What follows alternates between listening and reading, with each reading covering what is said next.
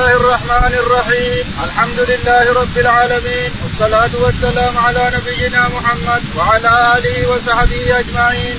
قال أبو عبد الله محمد بن إسماعيل البخاري رحمه الله في جامع الصحيح كتاب فضائل القرآن باب كاتب النبي صلى الله عليه وسلم. قال رحمه الله حدثنا يحيى بن بكير قال حدثنا الليث عن يونس عن ابن ان ابن السباق قال إن زيد بن ثابت قال أرسل إلى أبو بكر رضي الله عنه قال إنك إنك كنت تكتب الوحي لرسول الله صلى الله عليه وسلم فاتبع القرآن فتتبعت حتى وجدت آخر سورة التوبة آيتين مع ابي خزيمة الانصاري لم أجدهما مع أحد غيره لقد جاءكم رسول من أنفسكم عزيز عليه ما عنتم إلى آخرها. الله على نبينا اله وصحبه الامام الحافظ البخاري رحمه الله تعالى نحن لا نزال فضائل القران يقول رحمه الله باب خاتم النبي صلى الله عليه وسلم باب خاتم النبي عليه الصلاه يعني من يكتب على عليه والسلام كتاب كبير لكن المشهور هو بن ثابت رضي الله. عنه ويقال انه زيد بن يقول رحمه الله حدثنا يحيى بن بكير يحيى بن بكير قال حدثنا عن الليث الليث قال حدثنا عن يونس يونس قال حدثنا عن ابن شهاب ابن شهاب قال أن ابن السباق قال قال نعم قال إن زيد بن ثابت قال أرسل إلي أبو بكر رضي الله عنه قال إنك كنت تكتب الوحي لرسول الله صلى الله عليه وسلم فاتبع القرآن فتتبعت حتى وجدت اخر سورة التوبة آيتين مع أبي خزيمه الأنصاري. لم أجد. لم أجد لم أجدهما مع مع أحد غيره لقد جاءكم رسول من أنفسكم عزيز عليه ما عنتم إلى ان ابا بكر الصديق رضي الله تعالى عنه لما تولى الخلافه عند الرسول عليه الصلاه والسلام وحر القتل تحرى القتل في القرى يعني القرى اليمامه صاروا يقتلون في اليمامه القرى قال ابو بكر الصديق رضي الله تعالى عنه يقول ارسل الي ابا بكر ابو بكر الصديق فقال إنك كاتب الرسول عليه الصلاة والسلام. تكتب القرآن بين يدي الرسول. نريد ان تسمعه لنا. تكتبه لنا وتسمعه لنا. فقلت يقول فجمعته وكتبته ووجدت آخر آيتين فقدتهما ثم وجدتهما مع يقول هنا أبو خزيمة بن ثابت وفي رواية أنه خزيمة نفسه.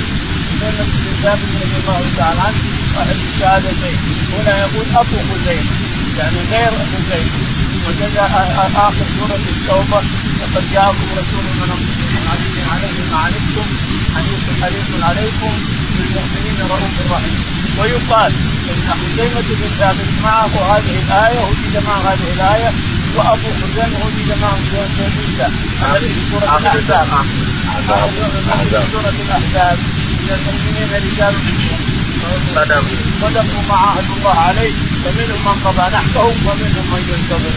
إن هذه الآية مع واحد والآية الثانية مع الثاني. والبخاري هنا جمع كما والله أعلم. نعم قال رحمه الله حدثنا عبيد الله بن موسى عن إسرائيل عن أبي إسحاق عن البراء قال قال لما نزلت لا يستوي القاعدون من المؤمنين والمجاهدون في سبيل الله والمجاهدون في سبيل الله. قال النبي صلى الله عليه وسلم ادعوا لي زيدا وليجعل باللوح والدعوة والكتف أو الكتف والدعوة ثم قال اكتب لا يستوي القاعدون وقد فتح للنبي صلى الله عليه وسلم عمرو بن أم مكتوب على ما قال يا رسول الله فما تأمرني فإني رجل ضرير البصر فنزلت مكانها لا يستوي القاعدون من المؤمنين في سبيل الله غير أولي الضرر. البخاري رحمه الله باب الله تعالى لا يستوي القاعدون من المسلمين غير الضرر والمجاهدين في سبيل الله. يقول البخاري فيها تفسير الأولى ما نزلت مفصلة يقول حدثنا عبيد الله بن موسى. عبيد الله بن موسى قال حدثنا إسرائيل. إبراهيم قال حدثنا أبو إسحاق. أبو إسحاق السبيعي قال عن البراء بن عن عازب البراء رضي الله عنه قال قال لما نزلت لا يستوي القاعدون من المؤمنين والمجاهدون في سبيل الله. قال النبي صلى الله عليه وسلم ادعوا لي زيدا. يقول ولما نزل قول الله تعالى لا يستوي القاعدون من المؤمنين من المؤمنين غيرهم لا يستوي القاعدون من المؤمنين. هذا الذي نزل. قال لي اسجد زيدا. ودعا زيدا له وكتب هذه الآية والام خلف ظهره قال يا رسول الله أنا ما ما أقدر اعمل حاجة. أقدر ما لي حيلة. فنزلت الآية في الجميل لا يستوي القاعدون من المؤمنين غير أولي الضرر يعني هذا شيء مكتوب قريب فلا حرج عليه حينئذ لا يقاتل. خير والمجاهدون في سبيل الله. لا يستوي القاعد ولا يستوي المجاهد في سبيل الله. لا شك في هذا. ما يستوي المجاهد في سبيل الله ويقاتل في سبيل الله قاعد في اهله لا يستوي باب نزول القرآن على سبعة أحرف قال رحمه الله حدثنا سعيد بن عفير قال حدثني الليث قال حدثني عبيد عن ابن شهاب قال حدثني عبيد الله بن عبد الله أن ابن عباس رضي الله عنهما حدثه أن رسول الله صلى الله عليه وسلم قال أقرأني جبريل على حرف فراجعته فلم ازل استزيده ويزيدني حتى انتهى إلى سبعة أحرف. يقول البخاري رحمه باب نزول القرآن على سبعة أحرف. هل هي سبعه رجال؟ ام الاحرف نفسها تتكرر يعني هلم تعال اجري اركض افعل سبعة أحرف. هلم لها سبعة ومثلها القرآن كله. كل حرف له سبعة أحرف. كل حرف تقرأه الانسان فأنت غير مذموم لأن القرآن نزل على سبعة احرف ولا يجوز لاحد أن ينكر على أحد لأنه نزل على سبعة كما ترون هذه عندنا القراء سبعه من قراءة ورد لو يسمع هذا العام يقول هذا هذا يلعب. النجم ذا يقول هذا يلعب ما يسمع الله. مع انها سبع سبع قراءات كلها مشهورة معروفة يقول حدثنا سعيد بن عبيد. سعيد بن عبيد قال حدثنا عن ليث بن سعد ليث بن سعد قال حدثنا عبيد عقيل. قال عن ابن شهاب. عن ابن شهاب. قال عن عبيد الله بن عبد الله بن مسعود. عبيد الله بن عتبة بن مسعود. قال عن ابن عباس رضي الله ابن عنه عباس رضي الله عنهما.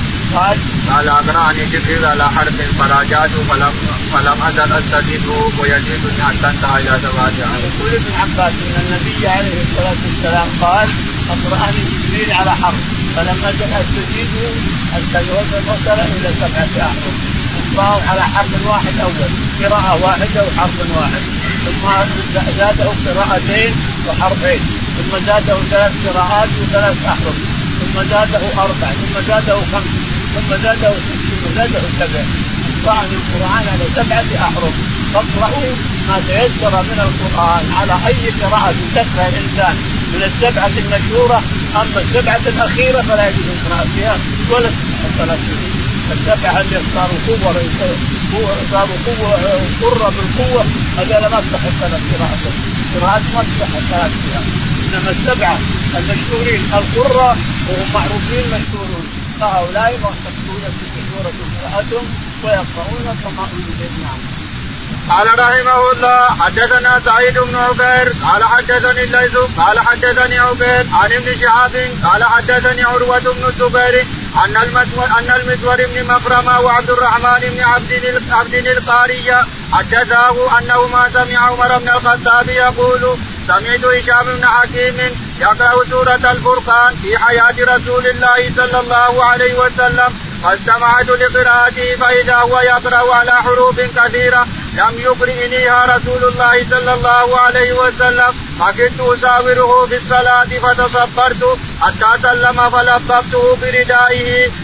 فقلت من أقرأك هذه السورة السورة التي سمعتك تقرأ تقرأ؟ قال اقرانيها رسول الله صلى الله عليه وسلم. فقلت كذبت فإني رسول فإن رسول الله صلى الله عليه وسلم قد اقراني على غير ما قرأت. فانطلقت في يقوده إلى رسول الله صلى الله عليه وسلم. فقلت إني سمعت هذا يقرأ بسورة الفرقان. على حروف لم تقرئنيها فقال رسول الله صلى الله عليه وسلم أرسله اقرأ يا هشام. فقرأ عليه القراءة التي سمعته يقرأ. فقال رسول الله صلى الله عليه وسلم كذلك أنزلت. ثم قال ثم قال اقرأ يا عمر. فقرأت القراءة التي قرأني أقرأني. فقال رسول الله صلى الله عليه وسلم كذلك أنزلت. إن هذا القرآن أنزل أنزل على سبعة أحرف فاقرأوا ما تيسر منه.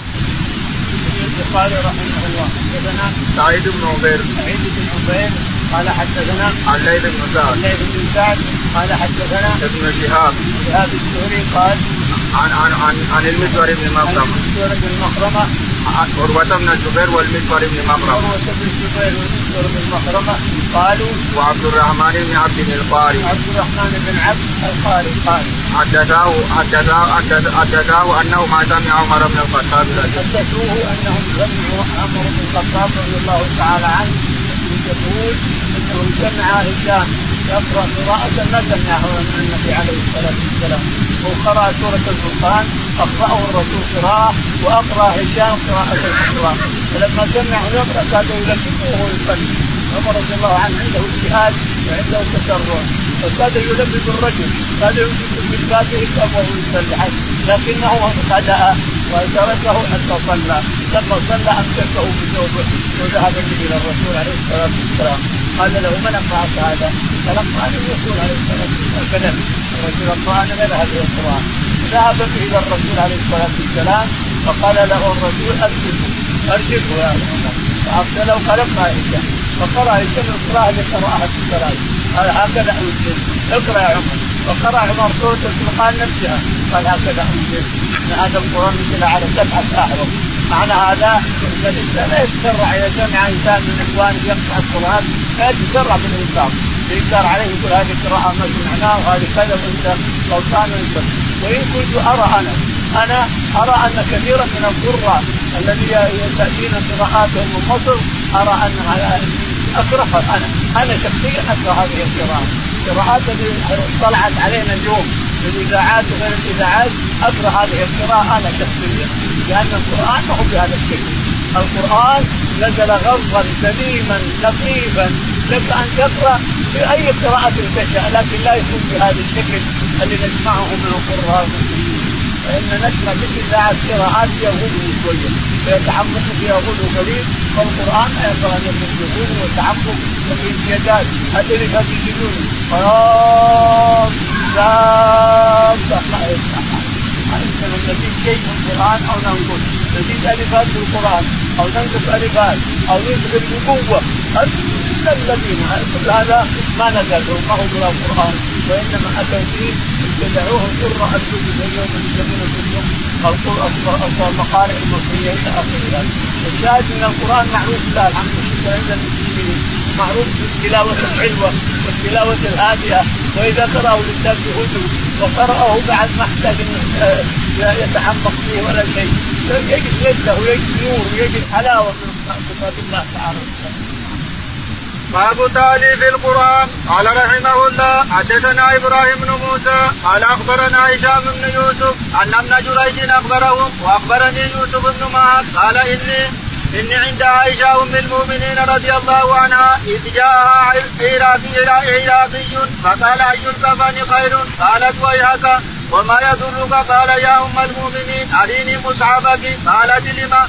قال لعلي أؤلف القرآن عليه فإنه يقرأ يقرأ غيرهم غير مؤلف. قالت وما يضرك أيها أيها قرأت قبل. إنما نزل إنما نزل أول ما نزل منه سورة من المفصل. فيها ذكر الجنة والنار. حتى إذا ذهب الناس إلى الإسلام نزل الحلال والحرام. ولو نزل أول شيء لا تشربوا الخمر.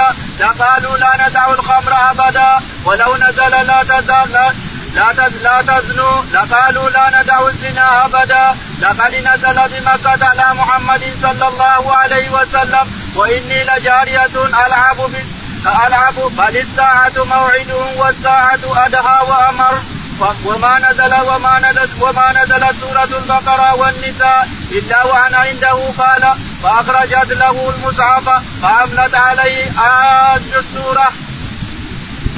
البخاري رحمه حدثنا يعني باب تعليم القرآن. باب التعليم القرآن. حدثنا إبراهيم بن موسى. إبراهيم بن موسى. قال حدثنا هشام بن يوسف. هشام بن يوسف. قال حدثنا ابن جريج. بن جريج. قال ثم حول سند وأخبرني يوسف بن قال وأخبرني يوسف. قال حدثنا قال إني عند عائشة أم المؤمنين. قال إني عند عائشة أم المؤمنين. جاءها عراقي. على بايع عراقي. جاءها عراقي. فقال يا أم المؤمنين المؤمنين أي الكفن أحسن؟ هذا ما يضرك. بخيشة كفن بدون كفن يضرك. إذا خلاص انظر الجنة والنار. الجنة أبشر. كان في النار أبشر. في مخرج بخير من رب العالمين. ما يضرك الكفن بهذا ولا بهذا ولا بهذا؟ قال يوم أين المتحركين وماذا تريد؟ قال أريد أن ألف مثله أو ألفه أو أنظر إليه. فجئت له المصحف فقرأه كانه متشكك بالتالي قال كنا انني كنت إن سورة البقرة نزلت إن قوله الساعة موعدهم. الساعة اتى وأمر. كان القرآن ينزل تدريجيا على قريش. فلو نزل جملة واحدة حلال وحرام ما ما آمنوا قالوا ثم آمنوا به. لكنه نزل انزل الله تعالى وتقدم عنهم فللساعه التهديد أول التهديد بالجنه بالنار والتفكير بالجنه هذا أول ما نزل. يبشر ربنا بالجنة وينذر من النار. أول ما نزل. بل الساعة موعدهم لاحظ. الساعة أدهى وأمر. إذا سمع كفار قريش مثل هذا التهديد انتفض من الخوف من الله تعالى وصفته فلو أنزل تحريم الخمر اولا نسأل ما نتعاقب ما ولو أن أنزل التحريم الزنا وهم يزنون قالوا ما نزل الزنا لكن ترك الحلال والحرام. آخر ما نزل آخر ما نزل الحلال والحرام. في مصر الشاهد أن ربنا تعالى استحسن أخذ الاسد في كل جاء الخمر كيف حرمه؟ حرمه أول في الرزق رزقا ذكرا ورزقا حلالا. رزقا حسنا. ذكرا ورزقا حسنا. يعني هذا خمر ما هو ذكر ما هو ما هو طيب. لا والرزق الحسن هو الطيب. الحلال هو الطيب. والذكر والخمر ما هو طيب. هذا أول ما نزل. ثم جاء آيات بعد هذا. ثم جاءت الآيات بعد هذا. ثم جاءت الآية الحاكمة. هذا ليش؟ إنما الخمر والميسر والأنصاب والأزلام رجس عمل الشيطان يستهدفون لعلكم تفلحون. إلى آخره. الشاهد أن ربنا تعالى وتقدم ينزل على عباده أشياء تابعه قليل قليل قليل قليل قليل قليل قليل قليل لئلا لئلا يخرجهم ويسألهم ولئلا يغضبهم ولئلا يردون ما يأتي من القرآن. يردون ما يأتي به الرسول عليه الصلاة والسلام تاتي تدريجيا. تقول عائشة رضي الله عنها لو نزل الخمر قالوا ما نترك الخمر لو نزل الزنا قالوا ما الزنا لكن ترك هذا كله الحلال والحرام تركه أخيرا واتى بالوعيد واتى بالكتاب واتى بالتكليف الساعة موعدهم والساعة أتى وأمر الإنسان حتى لو كافر. سمع مثل التهديد هذا انتفض الجنس وله كافر. لهذا صار الناس بالتدريج وما نزل سورة البقرة والنساء إلا وأنا عنده وما نزل سورة البقرة وسورة النساء إلا وأنا زوجتي عنده هذيك نزلت يقولون ألعب في الشارع. والبقرة والنساء ما نزلت إلا وأنا عنده. فأخرج فأخرجت فأخرجت له المتابعة فأمليت فأملت عليه آية السورة قل فأخرجت له مصحفها فأملت عليه أي سورة أي سورة؟ أي أي أي سورة. الشاهد أنه قرأ المصحف الرحمن ذهب قال رحمه الله حدثنا آدم قال حدثنا شعبه عن عن أبي إسحاق قال سمعت عبد الرحمن بن يزيد قال سمعت ابن مسعود يقول في بني إسرائيل والكهف ومريم وطه والأنبياء إنهن من العتاب الأول وهن من تلادي. البخاري رحمه الله حدثنا آدم. آدم بن أبي اياس قال حدثنا شعبة. شعبة قال حدثنا أبو إسحاق. أبو إسحاق قال حدثنا عبد الرحمن بن يزيد. عبد الرحمن بن يزيد قال عن ابن مسعود. عن ابن مسعود رضي الله تعالى عنه قال يقول في بني إسرائيل والكهف ومريم وطه والأنبياء انهن من العتاب الأول. يقول إن سورة بني إسرائيل عن الذي اسرى بعبده ليلا. سورة بني إسرائيل ومريم. والكهف وطه و... والأنبياء. والأنبياء. هؤلاء السور من كتاب من هو نزل في مكة. نزل. كثير من القرآن نزل في مكة. كثير. لكن تبعت القرآن تراها مكية. مكية. مكية. مكية. قليل نزل في المدينة. اللي نزل في المدينة قليل. كل اللي نزل حلال وحرام ووعيد وتهديد وشديد كله في مكة. نزل كثير من القرآن. كل بل جمله القرآن نزل في مكة. الشاهد يقول هذه السور عتاق السور نزلت عتاق الدول فانهن من بلادي. يعني من كنزي اقرأهن من كنز. الله سبب قال رحمه الله حدثنا أبو الوليد قال حدثنا شعبة قال أنبأنا أبو إسحاق سمع البراء رضي الله عنه قال تعلمت سبح اسم ربك الأعلى قبل أن يقدم النبي صلى الله عليه وسلم. قال حدثنا عبدان قال حدثنا عبدان عن أبي حمزة عن الأعمش عن شقيق قال قال قال عبد الله قد علمت النظائر التي كان النبي صلى الله عليه وسلم يقرأهن اثنتين اثنتين في كل ركعة. فقام عبد الله ودخل معه علقمة وخرج علقمة فسألناه فقال عشرون سورة من من من أول المفصل على تعليم بن مسعود آخرهن الحواميم. رحمه الله حدثنا أبو الوليد السيالي أبو الوليد السيالي قال حدثنا شعبة. شعبة. قال حدثنا أبو إسحاق الكبير. إسحاق قال حدثنا عن البراء بن عازب. البراء بن عازب. قال قال تعلمت سبح اسم ربك الأعلى قبل أن يسلم النبي صلى الله عليه وسلم. تعلمت سبح اسم ربك الأعلى. يعني تعلمها وحفظها قبل أن يسلم النبي عليه الصلاة والسلام المدينة حفظها كثير من الصحابة. حفظوا المفصل. حفظوا غيرهم كثير كان مصعب بن عمير رضي الله تعالى عنه ذهب أول ما ذهب من المسلمين يقرر الناس القرآن. ومع سعد بن زرارة رضي الله عنهما وأول من جمعوا هو. سعد بن زرارة مع مصعب أول من جمع الجمعة في المدينة مصعب بن عمير رضي الله عنه في مسجد يسمى مسجد اسعد بن زرارة إلى آخره. الشاهد أن القرآن نزل وكثر في المدينة قبل أن يقدم النبي عليه الصلاة والسلام. الحديث الثاني حدثنا عبدان حدثنا عبدان قال حدثنا عن أبي حمزة. أبي حمزة. قال حدثنا عن الأعمش. عن الأعمش. قال عن شقيق عن شقيق عن عبد الله بن مسعود رضي الله تعالى عنه قال قال قال قد علمت النظائر التي كان النبي صلى الله عليه وسلم يقرأهن اثنتين اثنتين في كل ركعة فقام عبد الله ودخل معه علقمة وخرج علقمة فسألناه فقال عشرون سوره من من أول المفصل ألا تعرف ابن مسعود آخره من الحوادث. يقول ابن مسعود رضي الله تعالى عنه قد علمت النظائر التي يقرأ بهن النبي عليه الصلاة والسلام في الفجر يعني اثنتين اثنتين في ركعة اثنتين في الركعه سورتين في الركعه سورتين. إنه علم هذا. ودخل ودخل معه علقمة بن زيد النخعي فخرج العمى. علقمة فساله الناس فقال إن حروف هي نظائر المفصل من المفصل.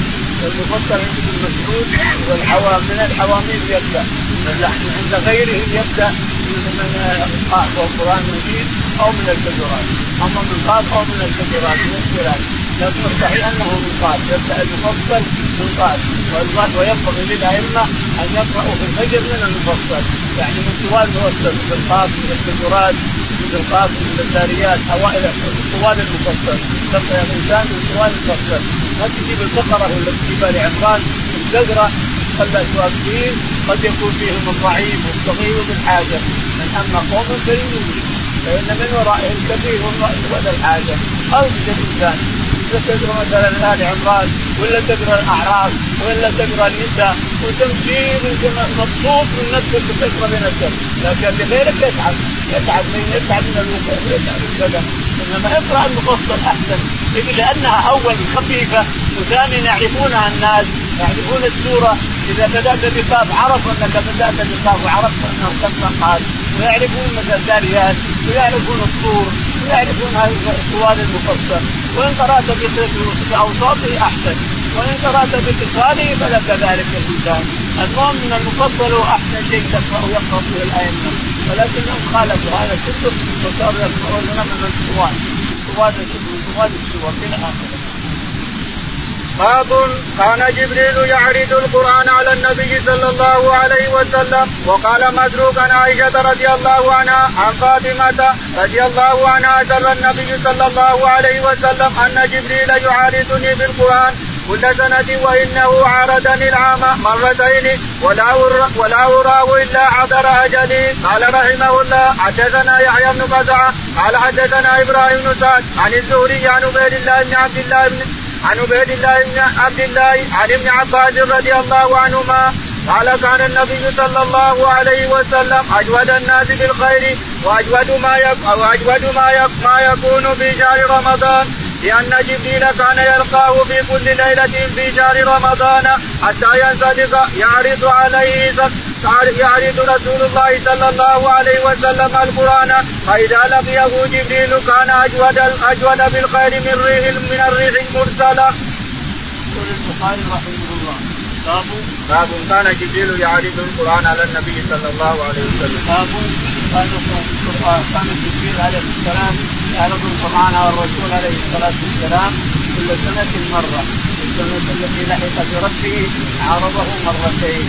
وقال لفاطمة رضي الله عنها وأرضاها أن جبريل عرض يعرض القرآن مرة وهذه السنة مرتين ولا أراه إلا أجلي يعني أنه أجل وصرف لأنه عرضه مرتين يقول البخاري رحمه الله حدثنا يحيى بن قزعة يحيى بن قزعة قال حدثنا إبراهيم بن سعد. إبراهيم بن سعد قال حدثنا الزهري. الزهري قال عن عبيد الله بن عبد الله. عن عبيد الله بن مسعود قال عن ابن عباس رضي الله عن ابن عنه. عباس رضي الله عنهما أنه قال قال قال كان النبي صلى الله عليه وسلم اجود اجود اجود الناس اجود الناس بالخير واجود ما يكون في رمضان. يقول ابن عباس كان النبي عليه الصلاه والسلام اجود الناس بالخير وكان اجود ما يكون في رمضان حين يعارضه في القران اجود الناس كانه يوسف المرسله يعني كان يتصدق وكان يعطي وكان ينصح وكان وهو يقرا القران مع قال رحمه الله حدثنا خالد بن يزيد قال حدثنا أبو بكر عن أبي حسين عن أبي صالح عن أبي هريرة قال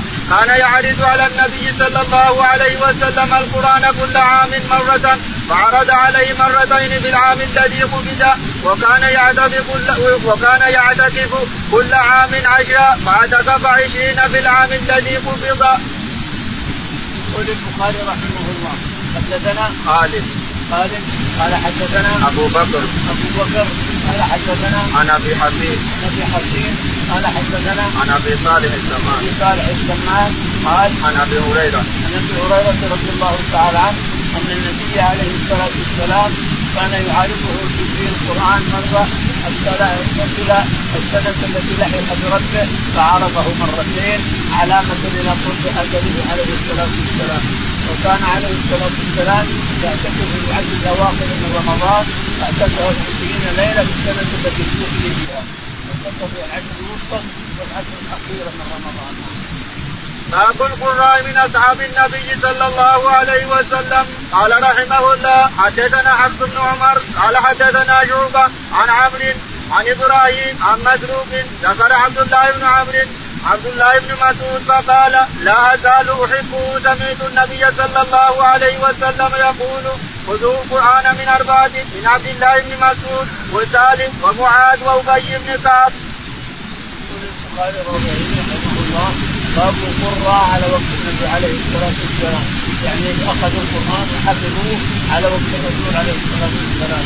قال حدثنا حفص بن عمر. حفص بن عمر بن غياث قال حدثنا شعبة. شعبة قال حدثنا عن عمرو. عن عمرو قال عن إبراهيم. عن إبراهيم النخعي قال عن مسروق عن مسروق بن الاشجع قال عن عبد الله بن عمرو. عن عبد الله بن عمرو بن العاص قال أنا فقال عبد الله بن فقال عبد الله بن عمرو لا أزال أحبه سمعت النبي صلى الله عليه وسلم. عبد الله بن عمرو بن العاص ذكر عنده عبد الله بن مسعود فقال لا أزال احبه لأن سمعت النبي عليه الصلاة والسلام يقول خذ القرآن من أربعة ثم حتى عبد الله بن مسعود رضي الله عنه وأبي بن كعب ومعاذ بن جبل وسالم مولى أبي حذيفة. مولى أبي حذيفة رضي الله عنهم أجمعين. هؤلاء أخذوا القرآن وحفظوه على وقت الرسول عليه الصلاة والسلام. سالم إذا قرأ سكت الناس. سالم مولى أبي حنيفه رضي الله عنه. إذا قرأ القرآن تفتح الناس كلهم يستمعون لصوته تلاوته الرسول عليه الصلاة والسلام سالت عائشة قالت يا رسول الله الناس شخص يقرا القرآن ما سمعت احدا يقرا فجاء عليه الصلاة من بيته إلى المسجد ووقف عند الباب واستمع نشر الحمد لله. الذي جعل في امتي الحمد لله. الذي جعل في امتي منزل اليمامة رضي الله عنه.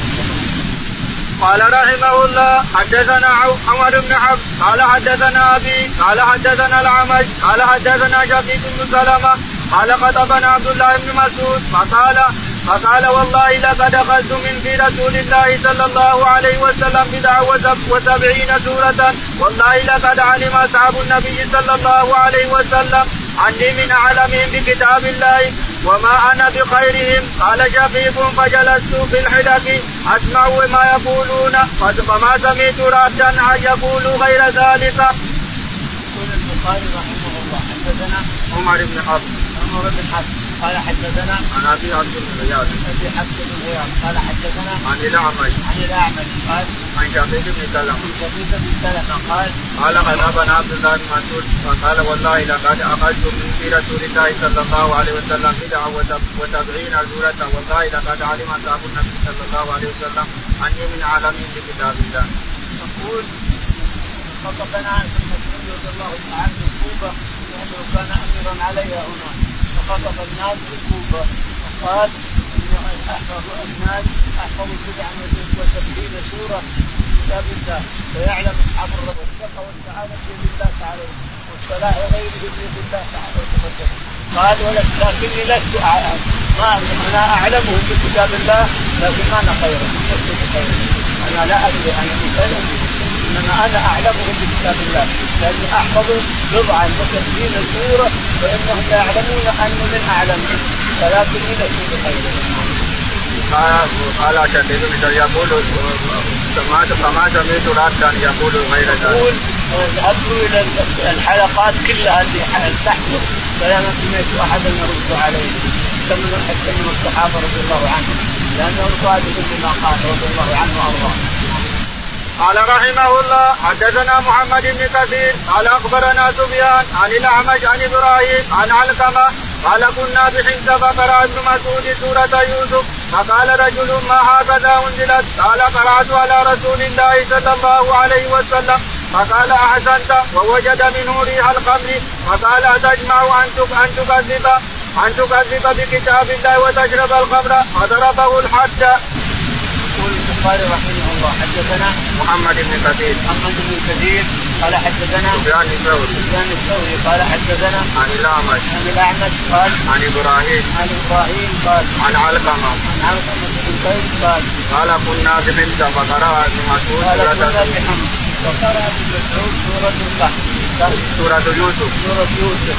فقال شخص ما هكذا انزلت يقول فجزع عبد الله بن مسعود رضي الله تعالى عنه.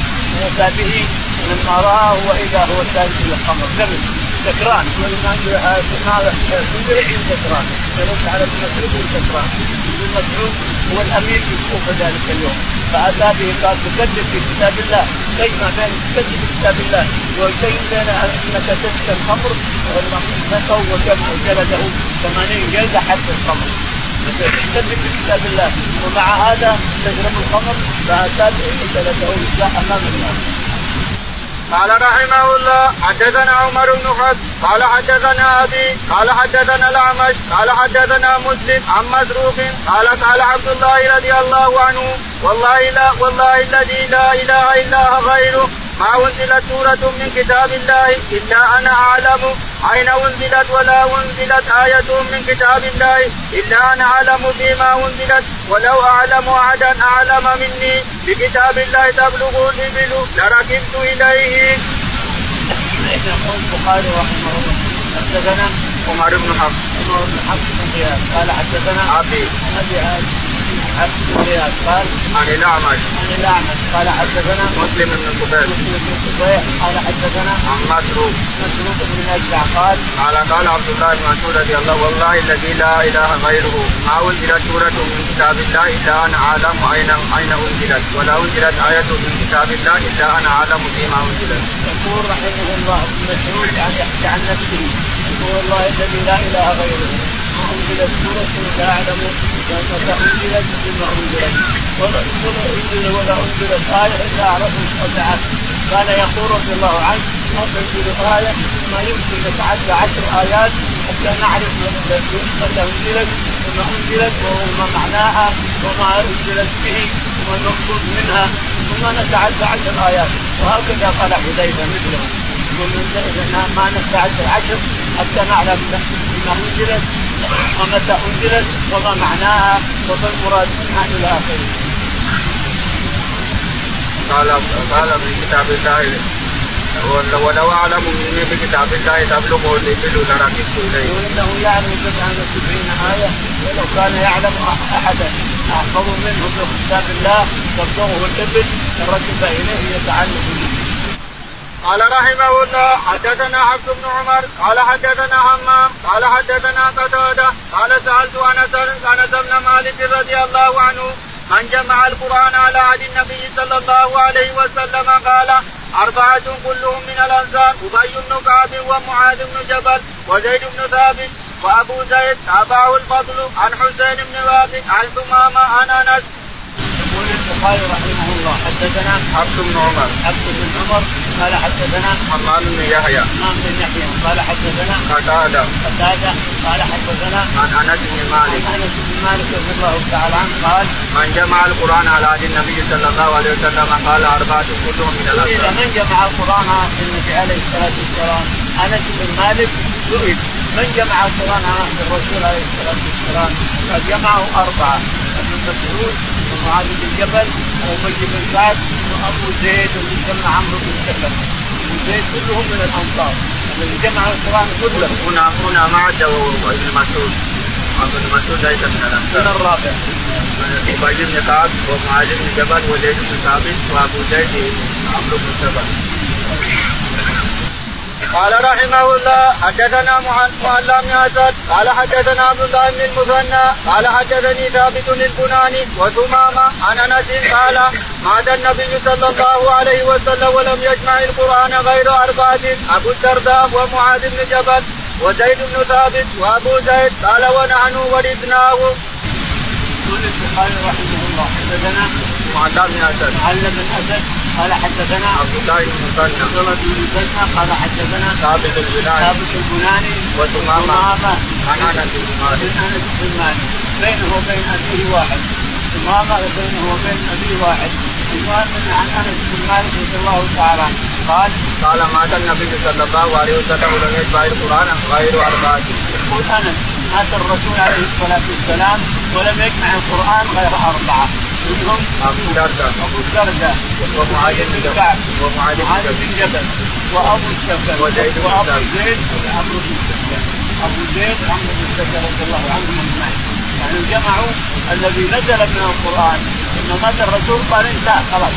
نزل كله. فحفظوه كله.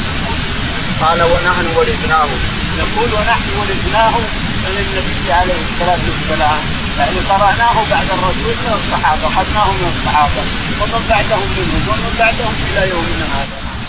قال رحمه الله حدثنا صدقة بن الفضل قال أخبرنا يحيى عن سفيان عن حبيب بن أبي ثابت عن سعيد بن جبير عن ابن عباس قال قال عمر قال قال عمر أبي اقرأنا وإنا لندع من لحن أبي وأبي يقول اخذته من في رسول الله صلى الله عليه وسلم.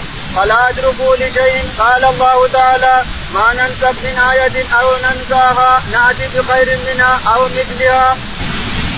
البخاري رحمه الله حدثنا صدقة بن الفضل صدقة بن الفضل قال حدثنا يحيى بن سعيد. يحيى بن سعيد. قال حدثنا سفيان الثوري. سفيان الثوري قال عن حبيب بن أبي ثابت. حديث بن أبي ثابت قال عن سعيد بن جبير عن سعيد بن جبير رضي الله عنه عن ابن عباس رضي الله عنه عنهما عن عمر رضي الله تعالى عنه. يقول عمر رضي الله عنه أقرأنا ابي بن كعب وأنا لندع شيئا ما كان يقرأ. يعني إنه يقرأ شيء ما كنا نقرأه نحن. كنا قرانا عن الرسول عليه الصلاة والسلام وهو قرأ عن الرسول. لكن هو يقرأ أشياء ما ما ننسخ من آية يقول أو ننسخها نؤخرها ما نقرأ من آية أو ننساها أو ننساها أو ننساها كلها قراءات. يقول هذه القراءة ما قرأنا على عهد الرسول، الرسول ما ننسخ من آية أو ننسيها، ننسخها أو ننسخ إياها يا رسول الله. إلى آخره، مبين لو ننساها أو قال ننساها أو ننساها أو ننسخ من آية ما ينسخ من آية أو ننساها نأتي وحي باب باب فاتحة الكتاب. قال رحمه الله حدثنا علي بن عبد الله قال حدثنا يحيى بن سعيد قال حدثنا شوبة قال حدثني خبيب خبيب بن عبد الرحمن عن حفص بن عاصم عن أبي سعيد بن المعلى قال كنت أصلي فدعاني النبي صلى الله عليه وسلم. فلم اجبه قلت يا رسول الله إني كنت أصلي. قال ألم يقل الله استجيبوا لله وللرسول؟ إذا دعاكم. ثم قال ألا أعلمك اعظم سورة في القرآن قبل أن تخرج من المسجد؟ فأخذ بيدي. فلما أردنا أن نخرج قلت يا رسول الله إنك قلت ألا أعلمك اعظم سورة من القرآن؟ قال الحمد لله رب العالمين. هي السبع المثاني والقرآن العظيم الذي أوتيته.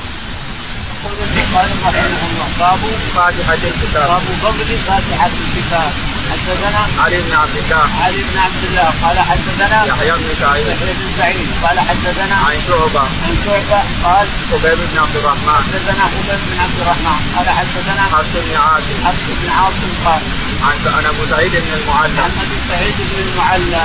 إنه قال كنت أصلي ودعاني الرسول عليه الصلاة والسلام ونحن بنمثل الاثنين فلم اجبه فلما انتهيت من الصلاة لحقته عليه الصلاة والسلام فقال ما الذي اخرك وأنا دعوتك؟ قال يا رسول الله كنت أصلي. قال الم يقل الله إذا دعاكم الرسول. استجيبوا لله وللرسول استجيبوا لله وللرسول ودعاكم بما يحييكم وقال سأعلمك أعظم آية في القرآن.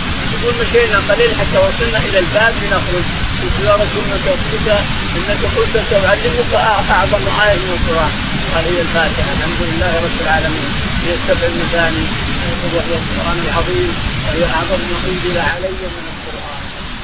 قال رحمه الله حدثني محمد بن المثنى قال حدثنا وهب بن جرير قال حدثنا هشام عن محمد عن معبد عن أبي سعيد الخدري قال كنا في مسير لنا فنزلنا فجاءت جارية فقالت إن سيد الحي سليم وإن نفرنا غيب.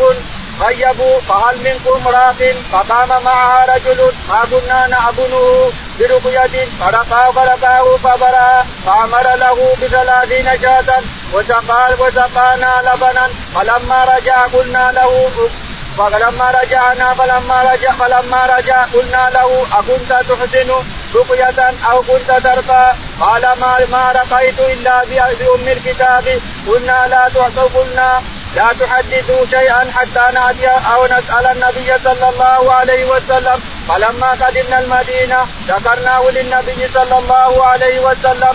فقال فقال وما كان وما كان يدريه وما كان يدري أنها رقية. اقسموا واضربوا لي بسهم. وقال أبو معمر حدثنا عبد الوارث قال حدثنا هشام. قال حدثنا محمد بن سيرين قال حدثني حدثني معبد بن سيرين عن أبي سعيد الخدري بهذا. يقول البخاري رحمه الله باب تابع للباب تابع للباب بفضل الفاتحة تابع بفضل فاتحه الكتاب حدثنا محمد بن المثنى. محمد بن المثنى قال حدثنا وهب بن جرير. وهب بن جرير قال حدثنا هشام. هشام قال حدثنا عن محمد بن سيرين. محمد بن سيرين قال عن أخيه معبد بن عن سيرين أخيه معبد بن سيرين. قال عن أبي سعيد الخدري. عن أبي سعيد الخدري رضي الله تعالى عنه قال إننا كنا في سفر مسافرين رفقه من الرسول عليه الصلاة والسلام. فنزلنا في حي طلبنا منهم ان فرفضوا يقول فأنزل الله تعالى وتقدم حجره من الحجرات فصارت السيده نزلت سيده فصار يصيح. يصيح الاسد على الغريزه يصيح يصيح يصيح. يقول فجاءتنا جاريه أو قال جاءنا رجل. الطريقة الأولى قال جاءنا رجل. فقال افيكم قارئ فإن سيدنا لكم يقول فقلنا والله ما نقرأ عليكم. جئناكم فلم تضيفونا والآن ما نقرأ عليكم إلا بالجعل اعطونا أربعين الطريقة الثانية غير هذه الطريقة. اعطونا أربعين سري ونقرأ عليكم ولا ما نقرأ. قال فاعطوهم أربعين سري زودوا على أربعين سري. فذهب فأخذ فذهب أبي سعيد الخدري رضي الله تعالى عنه وقرأ عليهم سورة الفاتحة فقط. كررها كررها عليهم مرتين ثلاث مرات فقرا قال نفسه وجاء واعطوه بالجعل الأربعين. فلما رجع إلى قومه قالوا لمن قرأت قرات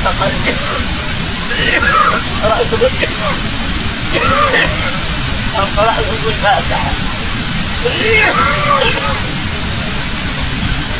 قرأت بفاتحة الكتاب قال ما نقدر نعمل حاجة أمام الغنم هذه حتى نحن الرسول يستغفرون يقول ذهبنا ذهبنا إلى المدينة لما وصلنا قلنا يا رسول الله حصل ما هو كذا وكذا وكذا وهذه الغنم قالوا ندريكم انها رقيه وما يدريكم انها رقيه الفاتحه وما يدريك انها رقيه يقول ابن القيم رحمه الله اذا كررت هكذا مرات الانسان الفاتحه على مريض باذن الله باذن الله يقرا بإذن الله يقرا أي مرض؟ مو مرض؟ مرض كذا ولا مرض؟ أي مرض؟ كرر الفاتحة عليه فإن فيها الشرك فاعلمه من الله. والله يبرأ من أي مرض كان تقراها عليه؟ سبع مرات يكررها بإخلاص ودين ونية وصلاح وتقوى إلا يبرأ المريض بإذن الله. يقول ما يدريكم أنها رقية؟ فالرسول معكم بشهر. يقول فاتمناها واعطينا الرسول معنا كان عليه الصلاه والسلام باب فجر البقرة قال رحمه الله حدثنا محمد بن كثير قال أخبرنا شعبة عن سليمان عن إبراهيم عن عبد الرحمن عن عبد الرحمن عن أبي مسعود رضي الله عنه عن النبي صلى الله عليه وسلم قال من قرأ من قرأ بالآيتين قال حدثنا أبو نعيم قال حدثنا سفيان عن منصور عن إبراهيم عن عبد الرحمن بن يزيد عن أبي مسعود رضي الله عنه قال قال النبي صلى الله عليه وسلم من قرأ بالآيتين من آخر سورة البقرة في ليلة كفتاه وقال عثمان بن بن الحيثم قال حدثنا عوف عن محمد بن سيرين عن أبي هريرة رضي الله عنه قال وكلني رسول الله صلى الله عليه وسلم بحفظ زكاة رمضان فأتاني آتي فجعل يحثو من الطعام فأخذته فقلت لا لأرفعنك إلى رسول الله صلى الله عليه وسلم فقص الحديث فقال إذا أويت إذا أويت إلى فراشك فاقرأ آية الكرسي لن يزال معك من الله حافظ ولا يقربك شيطان حتى تصبح وقال النبي صلى الله عليه وسلم صدقك وهو كذوب ذاك شيطان. البخاري رحمه الله. حدثنا باب فتح البقرة. باب فضل البقرة. قال حدثنا محمد بن حدثنا محمد بن قال حدثنا شعبة. شعبة. قال حدثنا سليمان الأعمش. سليمان الأعمش. قال عن إبراهيم. عن إبراهيم. قال عن عبد الرحمن بن يزيد. عن إبراهيم بن يزيد. قال عن عبد الرحمن بن يزيد. عبد الرحمن بن يزيد. قال عن أبي مسعود البدري عن أبي مسعود البدري رضي الله عنه. قال عن النبي صلى الله عليه النبي وسلم. عليه الصلاة والسلام أنه قال نعم. من قرأ آيتين ثم حول السند. قال من قرأ آيتين ثم حول السند فقال حدثنا أبو نعيم. حدثنا أبو نعيم. قال حدثنا سفيان. سفيان. قال حدثنا منصور. منصور. قال حدثنا إبراهيم. إبراهيم. قال عن عبد الرحمن بن يزيد. عن إبراهيم عبد الرحمن بن يزيد. قال عن أبي مسعود البدري. عن أبي مسعود البدري رضي الله عنه. قال قال النبي صلى الله عليه وسلم من قرأ بالآيتين من آخر سورة البقرة في ليلة سقطاه يقول ان النبي عليه الصلاة والسلام قال من قرأ بآيتين من كتاب من سورة البقرة من آخر سورة البقرة. ثبتا يعني إذا قرأت الإنسان آمن الرسول بما أنزل إليه من ربه إلى آخر السورة ثبتا الإنسان سورة البقرة. ونزل آيات في تأتي. يسمى الزهروان هذه عمران والبقرة يسميها الرسول عليه الصلاة والسلام الزهروان من قرأهما في بيت لم له شيء ثلاثة لأنها نور ينير البيت بإذن الله. من الزهراوات الزهروتان أو الزهراوان البقرة وآل عمران صار نور بيت الإنسان ينير هذا النور بإذن الله. إذا كان الإنسان مؤمن مصدق بما قال الرسول عليه الصلاة والسلام. ثم جاء بسند معلق وقال حدثنا عثمان بن ثم جاء بسند معلق وقال حدثنا عثمان قال حدثنا عوف الأعرابي عوف الاعرابي قال عن محمد بن سيرين. عن محمد بن سيرين قال عن أبي هريرة. عن أبي هريرة رضي الله تعالى عنه أن النبي عن أبو هريرة يقول إن النبي عليه الصلاة والسلام جعلني على على الزكاه ليلة من الليالي. زكاة الفطر ها؟ وقلني زكاة الفطر. وقلني على زكاة الفطر يقول فلم اشعر في آخر الليل إلا وان كان يتحرك ويحكم يحكم من الطعام يحكم. يقول فمسكته قلت لارفعنك إلى رسول الله عليه قال دعني ولا نعم يقول فلما أصبحت أخبرت الرسول قال كذا فكان ويعود. رايح يعود. هذا شيطان وسيعود. يقول لما قال الرسول إنه يعود حرصت عليه فجاء في الليلة وسكت. يقول ما تعود يعد خلاص ما عاد افك قال اتركني تعود الثالثة قال اتركني واعلمك آية من كتاب الله. يقول فتركته علشان يعلمني قال إذا اويت إلى فراشك فاقرأ آية الكرسي فانه لا يضرك الشيطان. لا يزال معك من الله حافظ ولا يقربك فانه لا يزال معك من الله حافظ ولا يقربك شيطان. فلما أصبح أبو هريرة ذهب إلى الرسول عليه الصلاة والسلام وأخبره وقال صدقك وهو كذوب صدقت مكتوب الآية وهو كذوب ذاك شيطان. ذاك شيطان. اللهم اهدنا فيمن هديت وعافنا فيمن عافيت. وتولنا فيمن توليت. اللهم توفنا مؤمنين والحكمة الصالحين رب العالمين